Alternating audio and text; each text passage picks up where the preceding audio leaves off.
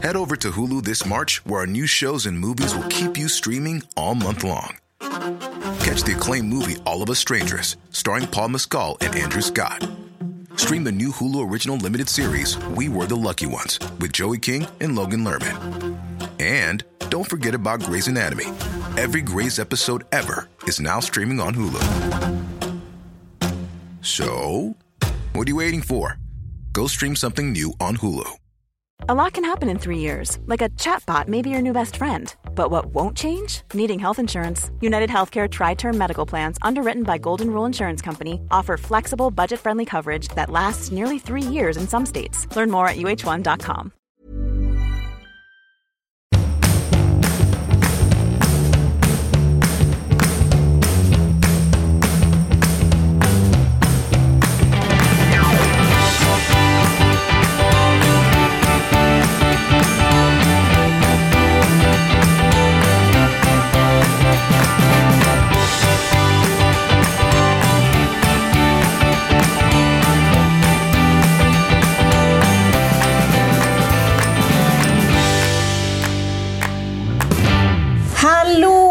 Hallå, hallå, kära söta underbara lyssnare som vi har haft i alla år, några år, några månader, var ni nu än kommer från i lyssnarskaran.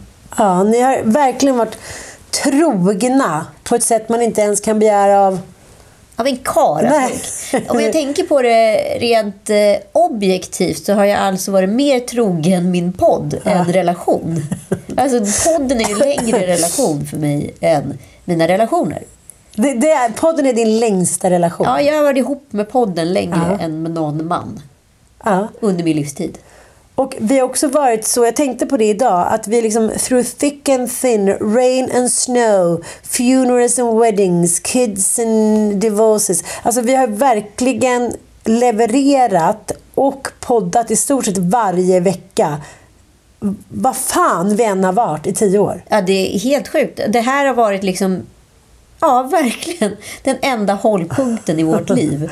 Ja, men alltså, jag tror att den har betytt så mycket mer än vad vi någonsin kan föreställa oss. Ja, jag tänker att man kanske börjar sakna kossan först när båset är tomt. Ja, verkligen. Ehm, Och nu när man lyssnar igenom och tittar igenom alla avsnitt, hur många avsnitt kan vi ha gjort? Ja, men det, det som är trist är ju att det är nästan åtta månader som är borta och sen hade vi ett paus på typ åtta månader. Eller nio månader 2019. Var det så Eh, länge vi hade paus? Ja. Paus. Ja, paus. Vi, i Lilla. Lördag har aldrig en paus. Vi har en. Paus. Det är lite mer elegant. Verkligen, din lilla eleganser. Ja. Jag kommer ihåg, nu sitter och snorar som aldrig förr, men jag kommer ihåg när 18 typ lyssnare hörde av sig till mig när du satt och smaskade på smågodis när vi var uppe i Dalarna. Och bara, Vem säger åt Ann att sluta smaska? Jag gjorde. Ja, den här podden hade vi tänkt, om det här hade varit en vanlig podd, att vi skulle prata och recensera Love is blind Sverige. För det finns ju en hel del att säga. Hallå? Är ni redo att träffa er stora kärlek? Då ska ni gå ut genom dörren där, för nu är kapslarna öppna! Jag skrev ju häromdagen på det här nya Threads att jag är så här, love is not blind for me. Men, Nej, det men- borde inte vara för de här människorna heller som är med. Nej, nej, nej, men jag måste eh, omvärdera det där. Det är ju helt sensationellt hur människor kan bli så förälskade i varandra utan att ha sett varandra. Hur mycket som handlar om energier. Ja, men alltså man ser ju direkt i första ögonblicket när de blir besvikna. Ja. Och så förstår man direkt att det där inte kommer funka. Ja. Och de som inte blir besvikna, där kommer det ju funka. Ja, för där är det ju redan klart. Exakt. Och visst, det kanske inte kommer hålla i slutändan. Det vet vi inte. Nej. Men initialt så är det ju det som krävs för att få kärlek att funka. Men du vet också när vi satt där så frustrerade i början av eh, eh säsongen på allas vår favoritserie, Gifta i första ögonkastet. Jag ska hälsa så mycket från Martin förresten så mycket. Eh, träffade honom på Orup. Han var så glad så. Riktigt fluffigt hår och ja, nej men eh, hur som helst. I början av den, eh, inte den säsongen, jo den säsongen. När vi tänkte så här, det här är den sämsta castingen som någonsin har gjorts. Det här liksom, det här är så pinsamt, programmet måste läggas ner, skjut terapeuterna, typ spräng SVT, bla bla bla. Och sen så, alla de gifter sig fått barn typ. Vi kan också ha fel. Det kan vi faktiskt Kan inte. faktiskt. Jo.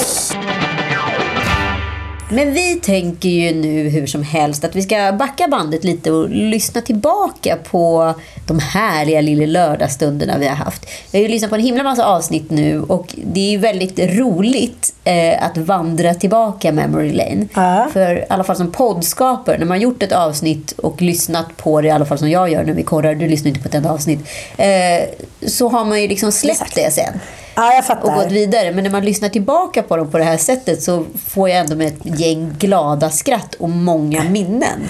Jag tycker det är intressant att titta tillbaka och lyssna tillbaka. Också lite hur eh, våran ton och innehåll har förändrats ganska mycket. Från att i början var så extremt mycket barn, relationer, Kalle Mattias. Kalle...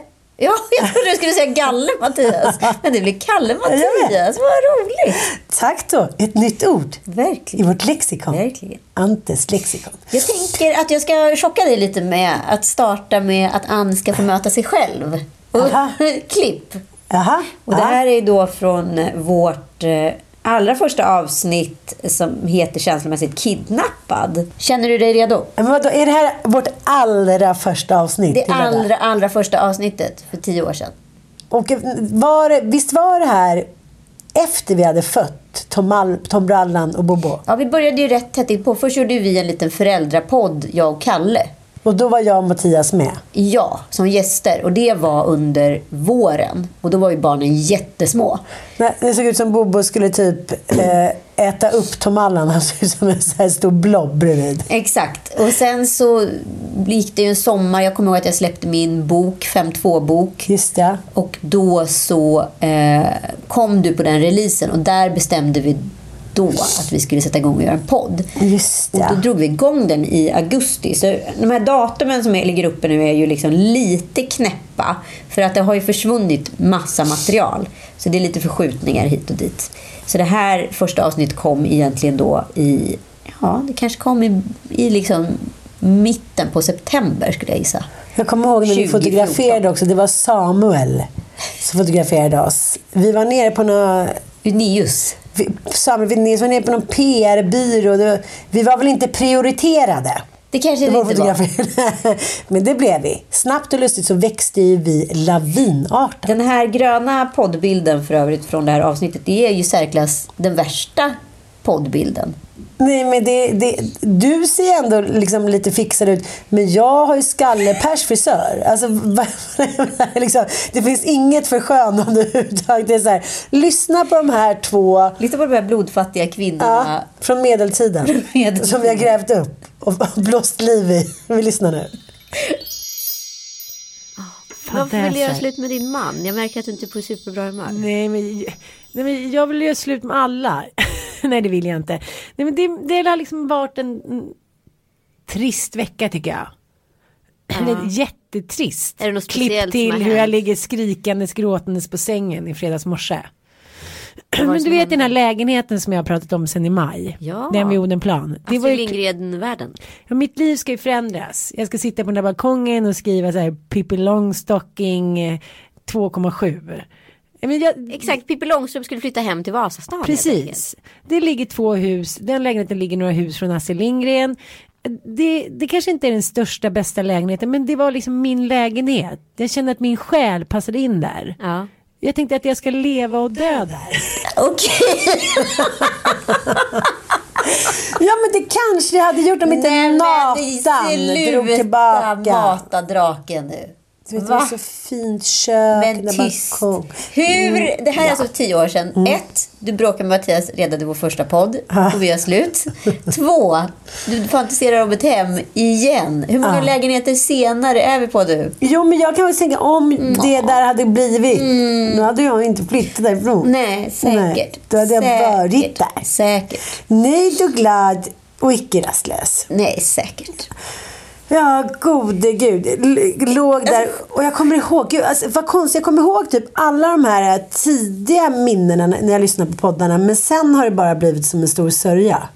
Här var det liksom skarpt läge på det mesta, visst var det det? Ja, vi var skarpa här. Ja, här, här, var vi eh, i vår prime time, kan man säga så? Men hur känner du? Jag försöker ställa en fråga Ja, ja. för att du eh, smiter ifrån ämnet. Ja, Och du, du, har alltså, du fantiserar om hem, för varenda gång du flyttar Ja. så låter det så här. Alltså där kommer jag bo tills jag dör. Jag känner att min själ, den är liksom född här. Den bodde här för ett annat liv.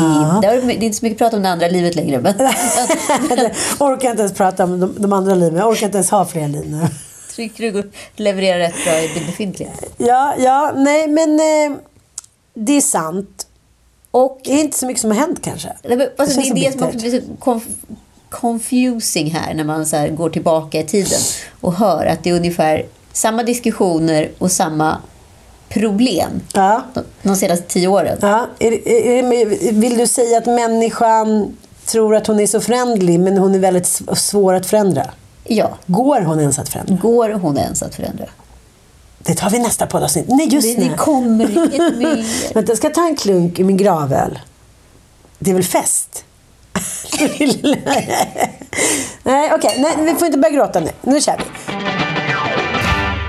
Sen så gick det ju mer mot att vi pratade om samtiden, politik. Eh, men, vi har gjort en samtidspodd med analyser mer, inte så mycket relationer. Jo, men jag tycker det har varit 50-50, har det inte det? Vi kanske har Men det, å det. andra sidan, så i ett småbarnsträsk så Ja. tar ju relationer mer plats. Ja, det är sant. Och man hinner inte med en politisk eh, diskussion på samma sätt. Men just nu är jag inte så intresserad av relationer. Jag bara kände så här, nästa tjejmiddag jag ska på ska jag bara säga så här, kan vi bara inte prata relationer? Kan vi prata om allt annat? Jag liksom... Lycka till! Säger jag. Men förstår du lite med korvstoppningen? Ja, absolut. Ja, men ja, jag fattar vad du menar. Vi ska lyssna på ett klipp till från samma podd. Oj då, oj då, oj då. Det är mera Det här andra. var, en podd hade vi behövt göra, det var den som blev bäst. Vi kunde släppt alla andra. All, det var upprepningar i tio år. Modella veckan.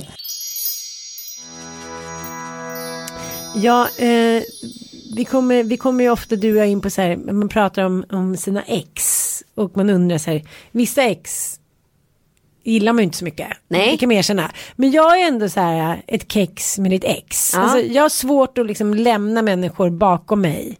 Jag vill liksom ha med dem i, i min Det, gud, det här är ju en ren lögn. ex utom typ två. Okej.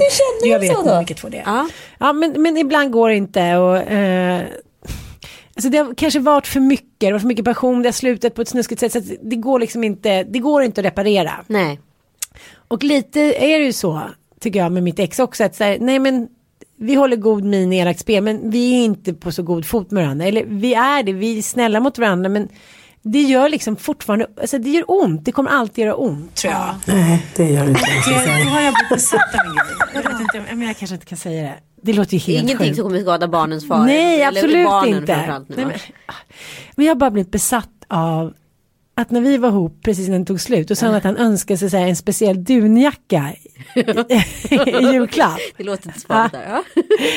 Och då skulle jag säga en månad efter vi hade separerat och inte pratat med varandra, så gå och köpa en dunjacka till honom i julklapp för 5000 spänn. Då sa min kompis, nu är du så medberoende, nu är du så far out. Vad ska du med den här dunjackan till? Jag ska ge den till mitt ex i julklapp. Det kan du inte göra, han pratar ju inte ens med dig, han vill inte ha dina allmosor. Du måste säga så här, hur hade du tänkt? Hade du tänkt att lägga lite som så här, en helig Maria? Ful jacka. Nej, men jag tycker att han ska ha en fin jacka. Men har inte han råd att köpa en jacka Jo men det själv? har han ju, men han gör ju inte det. Då har han en jacka som inte jag tycker är så fin. Men det kanske finns snart en annan kvinna i hans liv som kommer Nej, att det kommer lösa aldrig Nej. kommer lösa det här problemet. Nej, kan du inte liksom outsourca det på henne? Jo För- men jag vet, men nu har jag gått och varit besatt av det här då i över två år. Ja. Och nu så häromdagen så hade jag eh, en jacka som jag tyckte var så fin som, liksom, som, som hade köpt till Mattias men som han inte använde för han har redan så många jackor. Ja. Och då tänkte jag att mitt ex skulle passa så himla bra i den här. Och så har jag tänkt så här, hur ska jag så här, smuggla in den i hans hem och den bara ska hänga där på en krok. Det är inte så lätt, jag är ju inte där. Nej. Och då så, så pratade jag med honom en dag när vi var lite så här på speaking terms. Så jag sa, men gud jag fick en jacka på en tv-inspelning så här. eh, Kan jag skicka med den om du vill ha den? Annars kan du ju bara ge den till myren eller ge bort den. Och så där. Han bara okej. Han var schysst typ. Och sen så han bara tack så mycket. Och sen har han haft den varenda dag. Nej men vad bra. Ja, men det var väl ändå gulligt. Sen har han haft den varenda dag. Ah, och där fick du din bekräftelse. Den har haft den varenda dag. Jag tror att han har kvar den. Dra det kortet också. För ibland vill man faktiskt bara göra saker av omtanke och vara snäll. Och även om är man har varit medberoende så är det ju så här. Men har du På gett Gam- Mattias Gamsjön. ett, en jacka nu? Ja men, Oj! ja, men Är det jackor du liksom delar ut kärlek i? Ja. Jag fick en jacka nyss. jag vill att ni ska ha på er och minnas mig. Det är bara en narcissist grej. Ja. Den varma häxa är här hos er. Kontrollera människor genom jackor. Ja. Det är en helt ny grej. Den magiska jackan. Den är thriller. Men det slår mig då när jag lyssnar på vår allra, allra första podd. Dels känns det som att vi eh, har poddat ett tag. Vi känns ganska liksom eh, tajta ihop. Det är inte så här... Uh, uh, uh, uh. och sen också att det låter som att vi eh, känner varandra ganska väl redan. Men det gör vi väl inte? Jag tror inte... Alltså, jo, vi känner ju varandra, men vi är ju inte, liksom, vi är inte mer än goda bekanta. Nej, nej, det var det jag tänkte om det är något jag missat. Jag kände ändå att så här, artighetsbarriären som jag kan uppleva med andra poddare, som man Mm, inte jag känner, fattar, ja. liksom, li- halvkänner. Eh, den är ju redan... Den finns ju inte. Nej. Och Det det tycker jag är lite spännande. Och här var det ingen av oss som var gravid eller någonting. Utan här var vi... Här var barn levererat. Sen Ja. kommer ju du bli gravid med Frasse, men det är en annan Just det, sak. det är en annan grej. En annan sorg.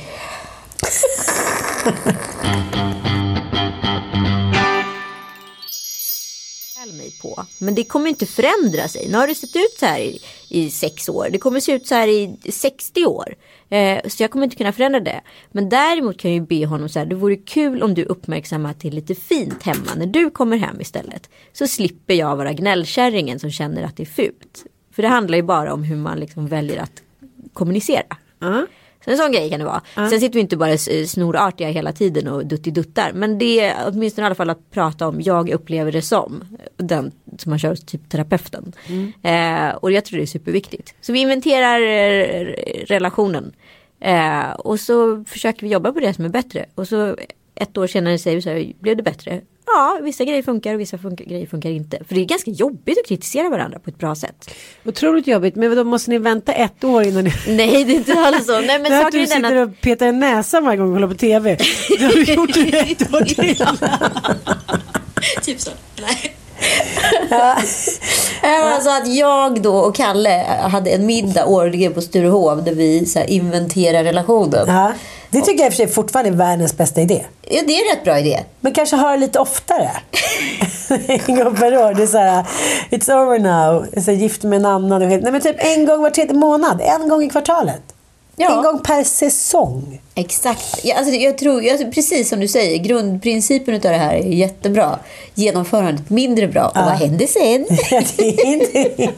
Men här kände du, här säger du att 60 år senare kommer det fortfarande vara stökigt hemma. Här är du ändå fortfarande övertygad om att det, it's, it's you for life.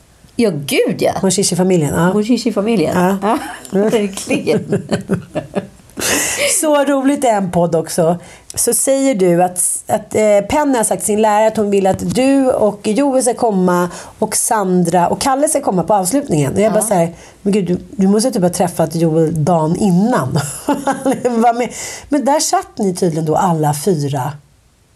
Ja. Aha. Och då säger du så här, det känns inte som att vi har varit tillsammans. Nej. Ja, och det här är någonting som har slagit mig. Att när man eh, har träffat en ny.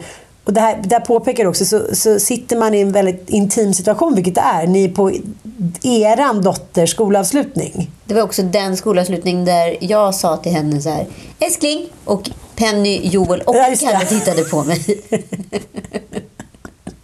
Och Sandra. Jättekonstigt. Nej, men att du sa så här, där sitter man och känner så här, gud, det känns aldrig som att vi har varit ihop. Känner du fortfarande att det var så eller ville du liksom vara lite cool?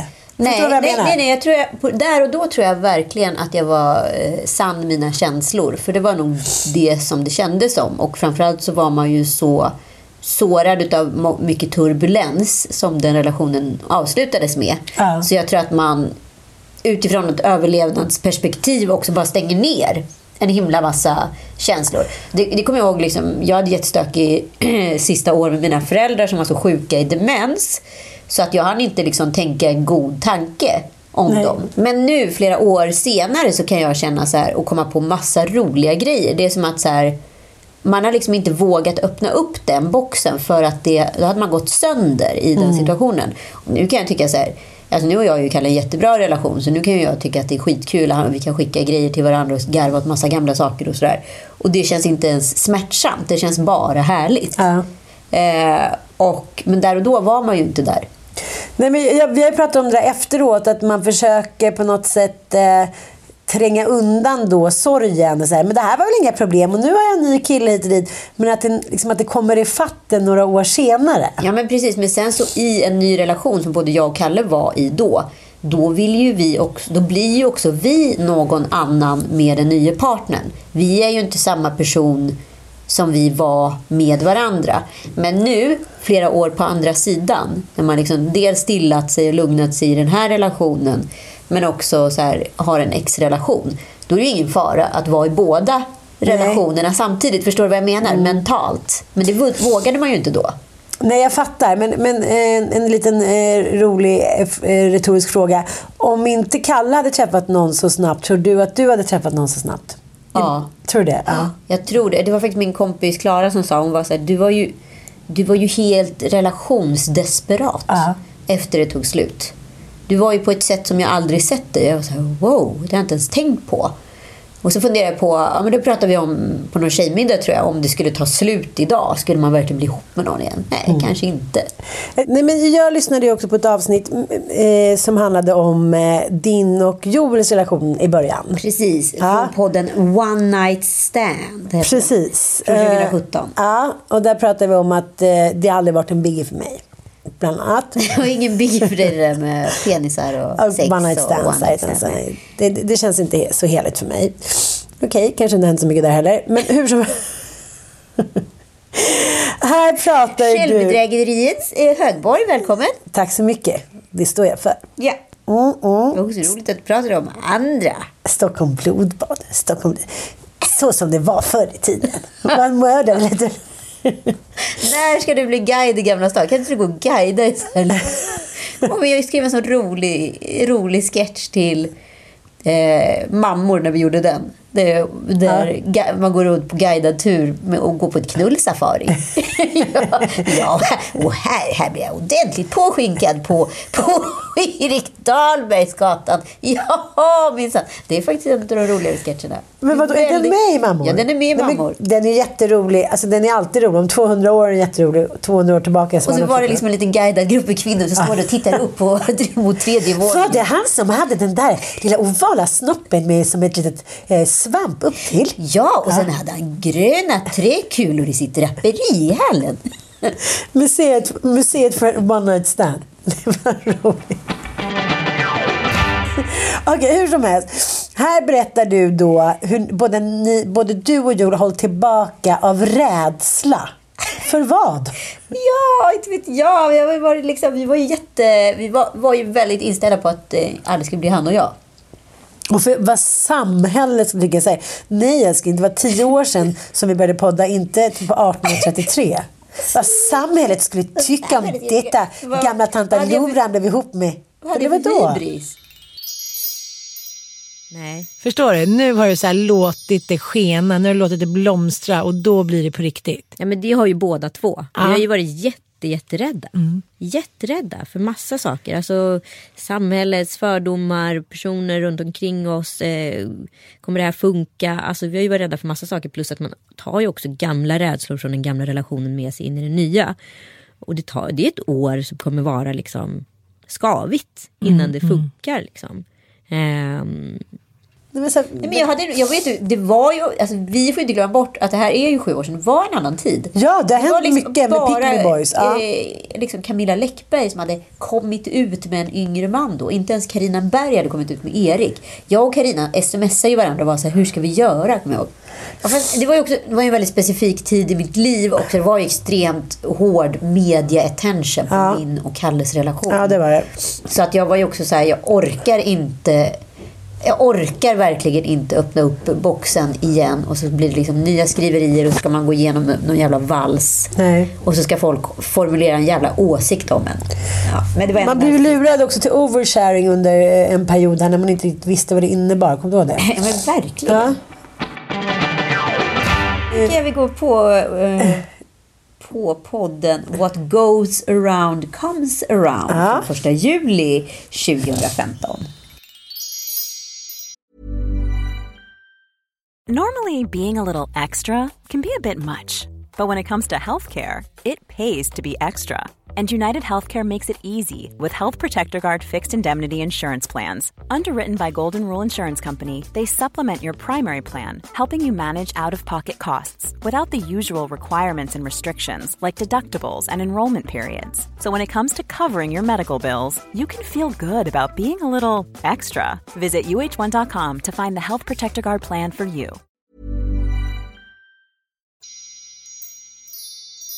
Och inget ont om hantverkare för jag älskar hantisar. Min pappa är hantis. Alltså jag har verkligen, I love hantisar.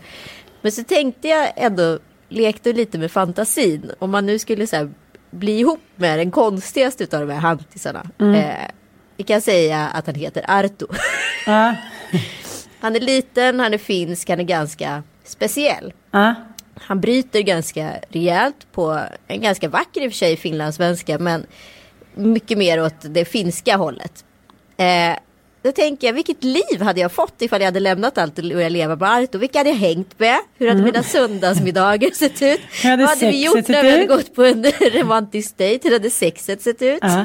Vad hade han gjort för mig för att få det lite mysigt? Ja. Och så kan man ju liksom leka vidare här. Hur hade det varit ifall du hade varit ihop med Fredrik Reinfeldt? Vad hade ni gjort? Vilka hade du umgåtts med? Jag hade bott Alltså- jäkligt bra i alla fall. Ja, det hade du gjort. Men så här, skulle du kunna känna någonstans att så här, fan, han är ju härlig men han är lite trist. Alltså du vet de här normala känslorna man kanske skulle kunna känna liksom. Alltså det är väldigt roligt att börja Ja, leka med de här tankarna. Du menar att man så här, sätter sig in i ett helt nytt liv, inte bara i Exakt. sexuella. Och då kanske det blir lättare sen att fantisera om Arto, även sexuellt.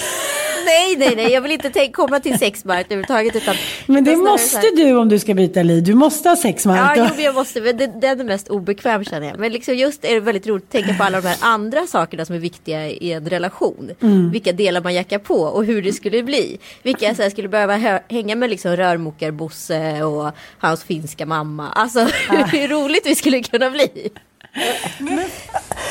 Wow! Nu har vi suttit och så här, tokskrattat under tiden vi har lyssnat på det här. Den här lilla sekvensen känns ju eh, lite som eh, eh, summan av lasterna är konstant. Att det här var så här helt sjukt om du skulle dejta Arto och jag Reinfeldt. Det, man bara, jaha, men allting blir träligt efter ett tag. Ja, men allt blir träligt efter ett tag. Sen är det ju väldigt kul. Kan jag, tänka, fortfarande. jag tycker den här leken var rätt briljant. Ja! Alltså, tänker jag på en tjejmiddag vore ju fantastiskt. Vad, vad ska ni göra på söndag, du och Björn Skifs? Vad ska du och Patrik Sjöberg göra när ni åker till Italien? För då Jag, måste man utgå från att han också då vill typ gå på en så här Roma-Lazio-match han vill kanske, han kanske är jätteintresserad av båtar så han kanske vill åka ner till varvet och. Jag tycker- Arto. Du och Arto på varvet. Det var lite sån korg med sillamackor. och sen har han någon gammal liksom, sjöbuse som ligger i hamnen som är hans bästa kompis. Ja, men det kanske hade blivit bättre. Om man bara hade gått på något helt otippat kort. Men det är det som är det intressanta med ändå experimentet Love is blind. För där skulle ju en Arto Ja. kunna stå. Ja. Och då skulle jag vara, "Ha, nu ska jag vara med honom. Och vad vill han? Av livet. Och... Men du menar att du hade redan varit kär i honom så att när han skulle säga det att ni skulle till varvet med Linto. Det, det som också var Ja. grejen med Arto var ju att Arto hade ju liksom, han var ju lite av en Frankenstein kan man säga så. Han hade varit med om en motorcykelolycka så han hade opererat hela skallen så han hade ett stort stygn. Så han här en extra människa på huvudet. Nej, och ibland så gick Arto då och pratade för sig själv och... Det kan ju bli väldigt eh, spännande i sängen. Han blir ett monster. Skön, skönheten och odjuret. Han skrek det, man var alltid lite rädd när man hade Arto runt sig. Så det blev, när jag vet också hur, vem han är som person så skrattar jag ju ännu mer. För jag vet hur bisarr den här tanken är. Och den är ju otroligt frigörande. För du måste ju liksom släppa ut det fula på något sätt. Ja, jag fattar. Ja. Du måste våga det som Freud sa att du var tvungen att stänga in. Det hade ni, du och Arto. Vi har ju en podd som heter En fika med Freud. Ja. Ja, och den eh, passar mycket bättre in. Men jag tycker ändå att det här är spännande. För när du säger Reinfeldt så kan jag känna så här. Nej, det hade kanske inte varit helt oävet. Nej, det tror jag. Ja. Nu ska du få fart på Rainis. Ja, jag och Reinisch dyker i tropikerna. Ni ser en fisk i, i kulörta färger och blir glada. Ni pekar på något unisont under vattnet och gör det klassiska dykartecknet. Man möter då pekfinger med tumme och de övriga fingrarna upp. Och sen så Så tar min luft slut för jag har blivit så till mig. Det gå upp. Nej, men jag tänker om man hade fått göra om det så kanske man skulle gått mer på liksom de som framstod som träisarna. Just det. För det, liksom det man måste säga att så här, det intellektuella samtalet och någon som kan föra sig worldwide. Det håller ju alltid. Det gör du inte med Arto i sådana fall. Det, jo, Arto, du ska segla jorden runt. På en liten jolle. Och redan vid Gibraltar har Arto åkt i vattnet. Redan vid Gibraltar. Utan oförklarlig. Och Anita flyttar till Bahamas och gifter sig med Hugh Hefners bror. Hugh Hefners bror. Vad sa du att han hette? Hugh Hefners bror. Hugget Hefner. Nej, jag tycker inte att du är helt ute och cyklar. Nej, du kanske inte... Nej. Jo, men allt detta vi pratar om, att man så här, känner en doft av någon och dricker två glas bubbel och sen är det klart. Har det varit en bra taktik? Eh, nej, det kan vi väl inte påstå. Däremot så tror jag att människor generellt ska ge sig hän oftare. Ja, och inte ja. vara rädda för känslor. Jag tänker att livet är kort och det är kul. Ja, men jag håller verkligen med. Och det tänker jag så att Love is blind sätter liksom fingret på. Att det är så här... Men det spelade ju ingen roll. Jag visste inte vem du var. Du kunde varit vem som helst. Men du var jävligt härlig och jag vågade vara mig själv. Precis. Alltså där i den där kapseln, där var allting okej. Och vi, vi blev kära i varandra. Ja. Sen såg vi varandra, då blev vi osäkra på varandra. Sen mötte vi verkliga världen. Ja. Och där blev osäkerheten... Alltså förstår du alla de här liksom, eh, skikten utav löken som täpps på? Ja. Och, och helt plötsligt kom ett rykte om dig. Och eh, hur du angrep mig när du blev sårad. Och jag blev under attack och då slöt jag mig. Alltså allt det där. Ja, herregud. Jag ska prata. Ja, det här blir i alla fall nästa tjejmiddag. Det här kommer bli så roligt. Och jag... jag kanske jag ska höra av mig till Reinfeldt. Han har ju skilt sig igen. Ja, det är bara att köra på. Ja, Varsågod. ja tack.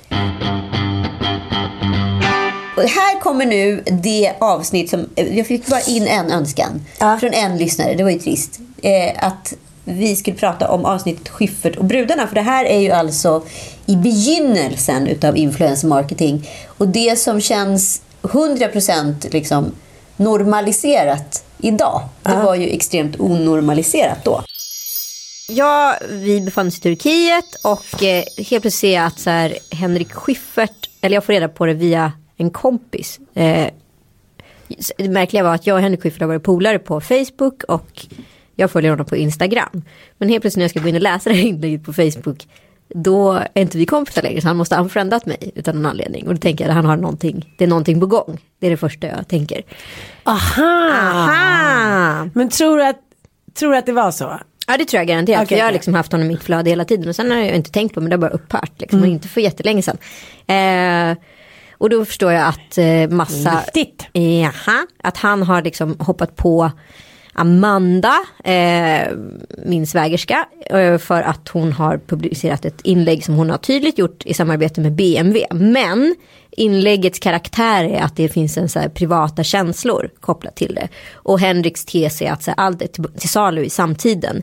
Eh, och jag vet inte längre vad som är äkta och vad som är riktigt. Eh, och jag tycker att det är så här, dels så tror jag att följarna som följer är väldigt på det klara med vad som är köpt och vad som inte är köpt. Sen är det ju liksom per definition en svår fråga för allting är i en eh, offentlig persons eh, Instagramflöde eller Facebookflöde eller vad det nu är, blogg. Det skulle ju kunna vara marknadsföring. Att jag har varit i Turkiet och lagt upp massa härliga bilder därifrån. Det skulle ju kunna vara marknadsföring. Någon kanske känner så här, gud vad härligt de verkar ha, vi åker dit. Men det är ju inte ett köpt media. Däremot måste man ju tydliggöra vad som är köpt för sina läsare. Det tycker jag är det enda som kan skilja på känslor och känslor. Samtidigt Men det kan man är ju... ju jätteotydligt, det måste du hålla med Jag om. håller med om det men samtidigt kan det ju vara så att jag älskar den här kaffelatten. Absolut. Eh, för att jag faktiskt älskar den. Och sen ska det ju vara så att det där kaffeföretaget får reda på att jag älskar den kaffelatten och- hör av sig till mig och säger så här, gud vad kul att du gillar våran latte. Får vi sponsra dig med en latte? Jajamän säger jag, för då helt plötsligt går ju de här två världarna ihop då. Så då kan jag både älska och få betalt för någonting och det blir en äkta känsla och en betald produkt. Bara att jag tydliggör det med, och med en liten hashtag eller vad det är. Men det är det jag menar, att det är ju väldigt shady. Det är som vi pratar om till exempel när du skrev om det här sorgarmbandet. Ja. Grief.se. Precis. Ja. Det är ju vänner till dig. Exakt. Mm. Det är ju samma sak för mig. Till exempel Lotta som är mina smycken. Ja. Det är inte köpt. Det är Nej. ju en väldigt god vän till mig. Då Exakt. blir ju det väldigt lätt för mig att lägga ut det där för att jag, det är personligt. Det gör ju Schyffert och dem också. Ja men de lägger ju upp varandra shower och säljer biljetter i sina egna flöden. Så där är det bara så här, och det får, måste man ju få rätt till att göra. Om man Ja. marknadsför sina egna produkter. Men det är där jag tycker vi har kommit till pudelns kärna. Mhm. Att liksom, att Schyffert eh, menar då, sen, att liksom det ena är fulare än det andra. Ja precis, men det är gammal media versus nya medier. Och det är, han är en äldre man som så reflekterar över sin samtid och förfasas över den på ett eller annat sätt. Precis. Så som samtidens eh, eh, äldre människor, eller äldre, jag tycker inte man bedrar in hans ålder. Men så som eh, människor alltid har gjort. Ja. Allt från liksom Strindberg till, alltså det har alltid förfasats över allt det nya. Det här är ju en väldigt spännande diskussion. Ja, den kändes ju väldigt eh, liksom up to date. Gud ja, det, här, det känns ju som att tiden stått still på något konstigt sätt. Bara att eh, jag tror aldrig en man idag skulle våga på det sättet som Schyffert gjorde lägga upp om, eh, om tre brudar på det sättet. Nej, men, så här, men liksom, I efterhand så tycker man att det är lite uppfriskande att någon vågade gå emot Strömmen. Ja, lite så. Men samtidigt så tycker jag att det är så roligt. För Kom du ihåg när, när reklamfilmen endast gick på bio? Ja, gud ja. Då var det så här, då gjorde man reklam. Men det som folk inte ska låtsas om, det är ju, eh, jag tänker i Schyfferts fall här, den första reklamfilmen som gjordes av kända skådespelare, det, det var eh, eh, en reklamfilm från 1980. Då var det Björn Gustafsson, eh, Alltså känd. gamla Björn Gustafsson Precis. som var med i Ga- Jönssonligan. Precis, och Lars Amble. Ja. Som också var, men båda är liksom två kreddiga skådisar. Absolut. Mm. Sitter de, eh, Lars Amble sitter på en parkbänk och Björn Gustafsson eh, kommer gående. Han ser honom med ögonvrån då. Ja. och den här är han liksom en pastisch på den här används. Och då trycker han i sig den väldigt snabbt för att han ska slippa bjuda. Och filmen avslutas med att Björn har en egen chokladkaka som han bjuder Lars på. Som då sitter med munnen full och tycker att det här är pinsamt. Ja. eh, och det här, är då, då, det här ansågs ju då vara så här jättespännande och Lars Amble blev då krädda för sin komiska begåvning och man såg det här lite mer som en film. Så att så här, jag tror att det är så många som det som jag, typ, som, vadå, aversionen från min sida är ju att det är så jävla tacksamt att ta tre brudar som gillar bilar. Alltså förstår jag vad jag menar? Eh, att, att, att reklamen har funnits så mycket länge. Varför bestämmer sig en sån som Schyffert för att gå på just det där? Det är för att men det är ju samma sak som med bloggbevakning. Hon ger sig på de lite svagare aktörerna. Ja, nu har jag för att det var jag som var... Du var ju, du var ju på Schyfferts sida i den här diskussionen. Du kanske missade att det var jag som pratade. Jo, precis. Ja, precis. Eh, och man, nej, man får inte ändra sig. Men nu Eh, kan man få ändra sig. ja. Men man kanske inte ska säga, eftersom vi kan lyssna på det precis som hände, att det var jag som pratade och du var på Schyfferts sida. Det var ju roligt för att du refererar ju till att så här, det var ju inte reklam ifall du pushade din syrras kläder eller din kompis. Precis, precis. Men, Men det, det var ju- reklam Ja. ifall du, ifall du gjorde, sålde någonting som du egentligen inte Precis. tyckte om. Men nu när alla säljer allting så finns det ju inte samma... Nej, det är ju en total eh, liksom, Ja. gråzon alltihopa. Ja. Och det var ju exakt det Schyffert var på. Ja. Eh, att eh, jag vet inte vad jag ska tro längre. Vad är när alla känslor är till salu? Det är Mm. ju det som är hans tes.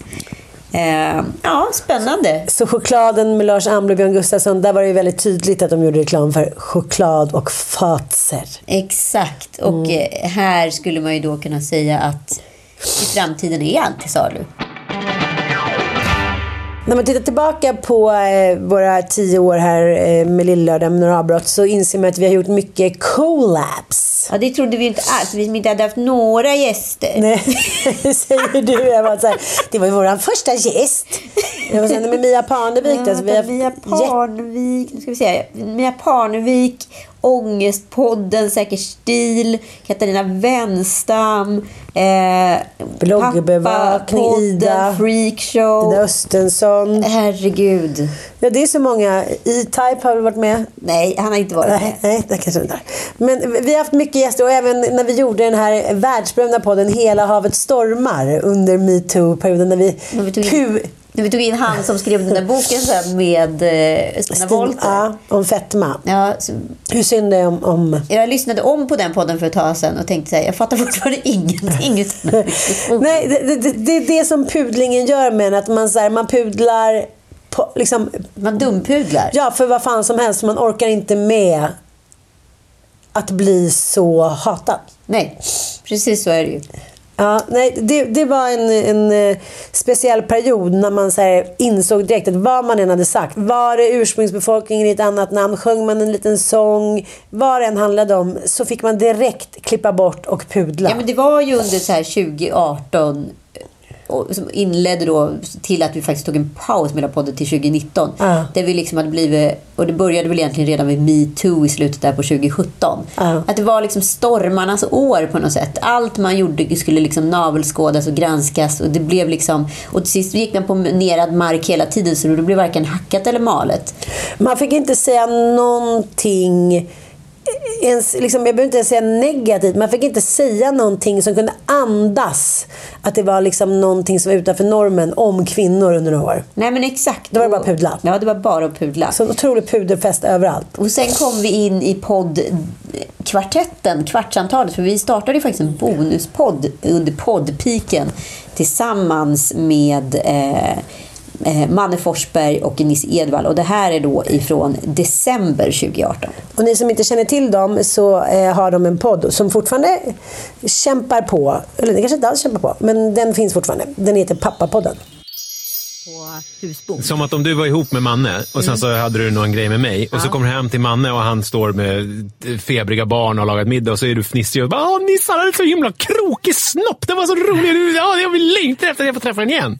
Att du känner att det kanske inte skulle ha varit eh, kul. För de har ju blivit kompisar. Då har vi blivit För kompisar. så här, ni måste ändå erkänna, oftast kommer man hem, någonting har hänt, man kanske varit på någon tillställning, något har hänt och så är man så himla glad och så öppnar man dörren. Obs, jag har inte krokig här- inte jag heller. Så tänker man så här, nu ska jag vara så jävla härlig, kåt Mm. och tacksam. Och så ser man den där surputten stå där med något skrikande unge så tänker man så här Shit, jag hatar honom lika mycket fortfarande. Alltså inte, inte hata på riktigt, men man tänker så här. Och så rinner allt det där fnittriga, kåtet, allt det där man skulle ge som man gav i början, rinner per automatik av en. Ja men då kanske det funkar då helt enkelt baserat på det på grund av att då lämnar du det vid dörren. Du har ju en liten mysig hemlighet som du kommer hem med och bara och nu kommer jag hem till min fina surputte som jag definitivt inte kommer ligga med idag men jag har legat ändå. Nisse, vad säger du? Får jag bara lägga till en grej? Nej, du vill alltid lägga till Jo en men grej. för att jag har noterat att jag har tänkt på det här så himla mycket. Det är därför den här frågan är så himla intressant. Alla man känner som har varit tillsammans ett tag lever ju i någon form liksom tyst överenskommelse om att allt är en lögn. Liksom. Va? Den är en, ja men alltså lite grann så. Drar du ner brallorna? Jo men såna här grejer som att så här, vi vet, jag, jag är den smartare, du är den, du älskar inte mig på samma sätt, du tycker att jag är dum i huvudet på det. Så kommer det ut ibland när man är onykter eller liksom när någonting... Men alla dina kompisar, Nej är det men så? många gör ju det. Jag tänker så här, eftersom allting ändå är... Har du ångest? Nej, men jag är så jävla radikal hela tiden. Jag var ju så här. Ja. Svart eller vit? Ja, men alla. Så skulle... Alla. Svart Alla. eller vit? Radikal. Det märker du att jag hela tiden, jag tillhör jag- mycket tidigare än den tvärsäkra generationen som det skrivs om nu. Att alla är så tvärsäkra för att de har Du var tillgång. supertvärsäker hela tiden. Helt på allt. Ja. Så var det bara. Det tyckte alla, så var alla. Det här var ju också, Alla. Det här var ju också en dramapodd för dig. Kommer du ihåg det här? Just det här? Det här var podden som sänkte mig som kvinna. Och sänkte din självkänsla Ja. som kvinna. Det, det var ju, det kom, jag tror, tror att det var, eller det var egentligen vår förlaga till Kvartsamtalet. Där vi kom på att vi skulle göra en eh, kvartettpodd.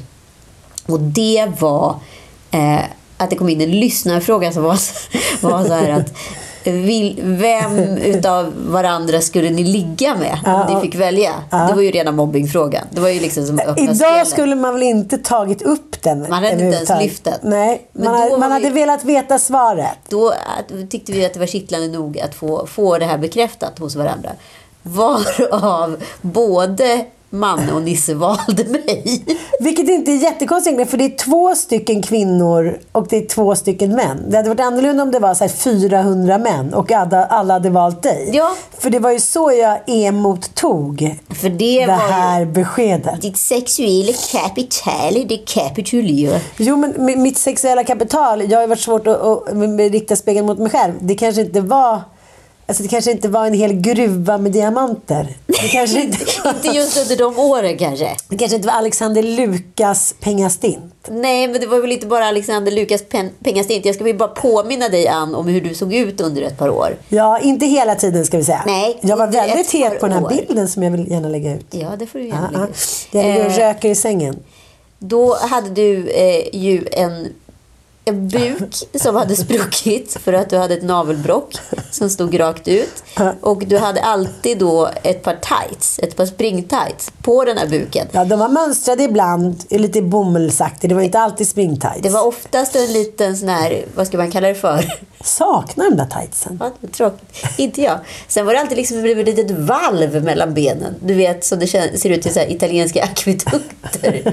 För att du hade, inga, du hade ju inga höfter i och med att och magen såg ut. Så då åkte du alltid byxorna också bak. Så du visade alltid väldigt mycket stjärtskåra. Ja, det har du visat upp också Ja. på din, din Instagrammet. Ja. Och, eh, ja, jag kan ju utifrån det objektiva perspektivet då. Om du hade varit på andra sidan väggen. Som du såg ut då i Love, Love is blind. Då hade varken Manne eller Nisse blivit glad Nej, för den det, det var inte Love is blind här. Nej, Nej. det var Love is very visual. very, very lot of ass. Jag var riktigt sårad. Nej, men du var så sårad. Det gick ju inte heller att säga till dig att så här, din självbild som den där het väggen Heta som du morsan. känner dig som och är Semmelväggen. inne och kanske är i nu. Den, det var inte den som var där inne. Nej, men det, det ville jag ju inte veta. Det här, var, det här tycker jag fortfarande var väldigt taskigt. Det var ju, det blev ju taskigt. Men det, Ja. alltså, om jag fattar det så var, grundades det ju egentligen bara på... Det var ju inte så att de gick runt och var smällkåta på mig. Förstår du vad jag menar? Det handlar väl mer om att... Pest eller kolera? Nej. Ja, typ pest eller kolera. Men det är ändå roligt det där, för man, man förpassas direkt tillbaka till eh, liksom, skolgården. Jaha, fick jag ingen, liksom, var ingen som röstade på mig som skolan skulle säga? Nej, du har kort snaggat hår som du har klippt själv. Så, så det var ingen som tyckte att det passade. Jaha. Nähä. Men det är ändå långt. Jo, men du har ju hockeyfrilla. Aha. Och så det, det jag menar, det som hände efter metoo var ju exakt i samklang med det som hände mig här. Att helt plötsligt så skulle, kunde man bli sårad för vad som helst och fick med sig hela skolgården. Ja. Även Tafsar, Leffe och våra gamla lärare. Alla, alla var liksom med. Vilket såklart skapade ett otroligt, liksom, eh, vad ska man säga, maktmissbruk hos väldigt många. Och du fick ju dig en, en riktig släng av sleven från Stina Wolter. Ja, gud ja. ja. Ja. Det var också en sån. Ja. Jag kritiserar egentligen bara eh, presentationstekniken. Ja. Jag tyckte att hon, om hon ändå skulle göra alla de där knasiga dansvideorna som Mm. alla människor verkade älska överallt på jorden. Då kunde du åtminstone köpa en bättre kamera. Och filma av dem med. Men det var inte där skon Nej, nej. Men det var det som var så intressant. För att häromdagen så råkade jag springa på en gammal, eh, ett gammalt TED-talk av eh, Englands stolthet Jamie Oliver. Ja.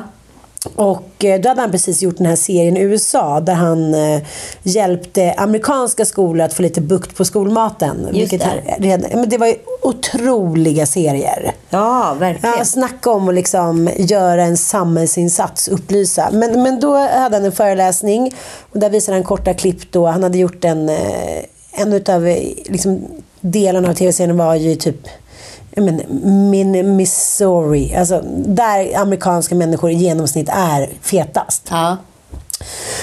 Och så visar han då, han har tagit upp det vad de åt under en vecka den här familjen. Och det är inte sånt som, man skulle inte visa det idag. Liksom, det skulle vara för taskigt. Men det var 95 kilo skräpmat som låg i driver på deras liksom, bord. Och så sa, eh, sa han till den här mamman då, eh, You're killing your kids. They're gonna die before you because you're... Alltså sakta men säkert så mördar i- du dina egna barn. Men De, ja, hon börjar gråta och han börjar gråta och alla så här, men vi ska lösa det här nu. Och så fortsätter den här liksom, TED-talket. Han var så här, okej jag är här i USA nu, ni är så oroliga över att era barn ska liksom bli kidnappade och våldtagna och de ska inte få vara med liksom, på skolshowen hit och dit. Ni borde vara liksom, rädda för det som dödar era barn. Nämligen eran kosthållning. Och så här, ooh, don't shoot the messenger. Nej. Och det var ju det som lite hände eh, och fortfarande är att så här, nej men vadå, vi, får inte prata om det som tar kål på mest människor i hela världen, nämligen fetma. Helt plötsligt fick liksom vara allting tabu och den enda som vågade ta blad från munnen blev då skjuten som vi blev ganska ofta i ryggen. Ja, Och fick pudla. Man får inte prata om det där. Och det... Och det här liksom var... Därför väljer jag att inte göra det nu. Nej, men jag menar, det var väldigt mycket lidande åt alla håll här just då. Som inte riktigt har tagits upp efteråt. Det var väldigt många... Den enda som har gjort en pudel egentligen är väl Cissi Wallin.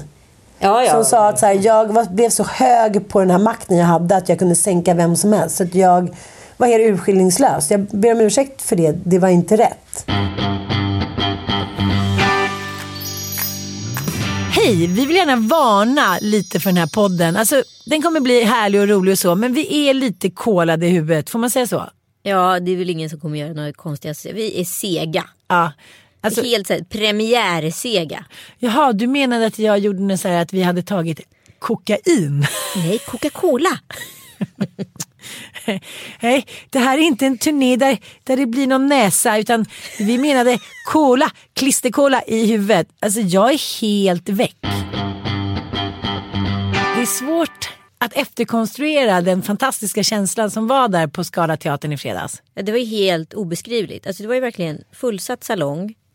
Och vi kanske ska bara ta en recap på vad som hände innan. Ja, eh, vi hade ju själva en liten förfest där ute i logen som höll på att sluta med riktig gravöl.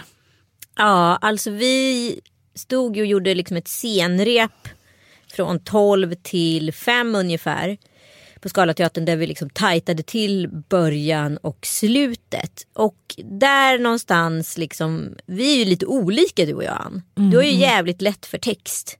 Du skriver så kommer du ihåg allting på en gång. Och man bara, jag funkar inte alls så, jag vet inte om det hänger ihop med dyslexi eller vad det är. Men eh, alla är ju olika. Jag känner att så här, när jag spelade jättemycket teater förr i tiden då vill jag liksom repa, repa, repa så man känner att det nästan känns som en så sång i kroppen. Att man kan allting, man kan varenda liksom refräng, man kan varenda vers. Allting sitter. Eh, men eh, vi jobbar extremt olika. Det går in och ändrar lite och då blir det liksom kaos i min hjärna. Och så går det in och ändrar lite så blir det kaos ännu mer i min hjärna. Och så jag fick en sån jävla blockad. Jag bara säger det här går inte. Jag kan inte stå här. Jag fick totalt frys, precis som vi pratade om i skidbacken. Jag bara, det här kommer inte, jag kan inte gå ut, jag kommer inte gå ut. Jag satt stortjura. I skidbacken? Ja, men vi pratade om det förra veckan när man får så här järnfrys, alltså när man bara fryser Ja, i man- skidbacken när man hamnar på Svartbacke och du åker vidare under tiden. Jag bara så här, nej, jag kommer varken Ja. upp eller ner. Där var jag. Jag hade verkligen ren och skär panik. Alltså på riktigt 20 minuter innan vi skulle ut på scen. Då satt jag och stortjura så den här stackars makeup-artisten visste inte hur han skulle rädda mitt smink där ett tag. Jag knall, ög- knallröd i ögonen och bara såg för jävlig ut. Jag måste nästan försöka beskriva lite hur du såg ut. Du var så blek. Det kan, nu har jag insett att även du kan bli du var liksom likblek när vi hade vår liksom rep där ute på scenen. Jag tänkte så här, hon, nu kommer hon falla ihop. Hon kommer svimma. Hon klarar inte det här.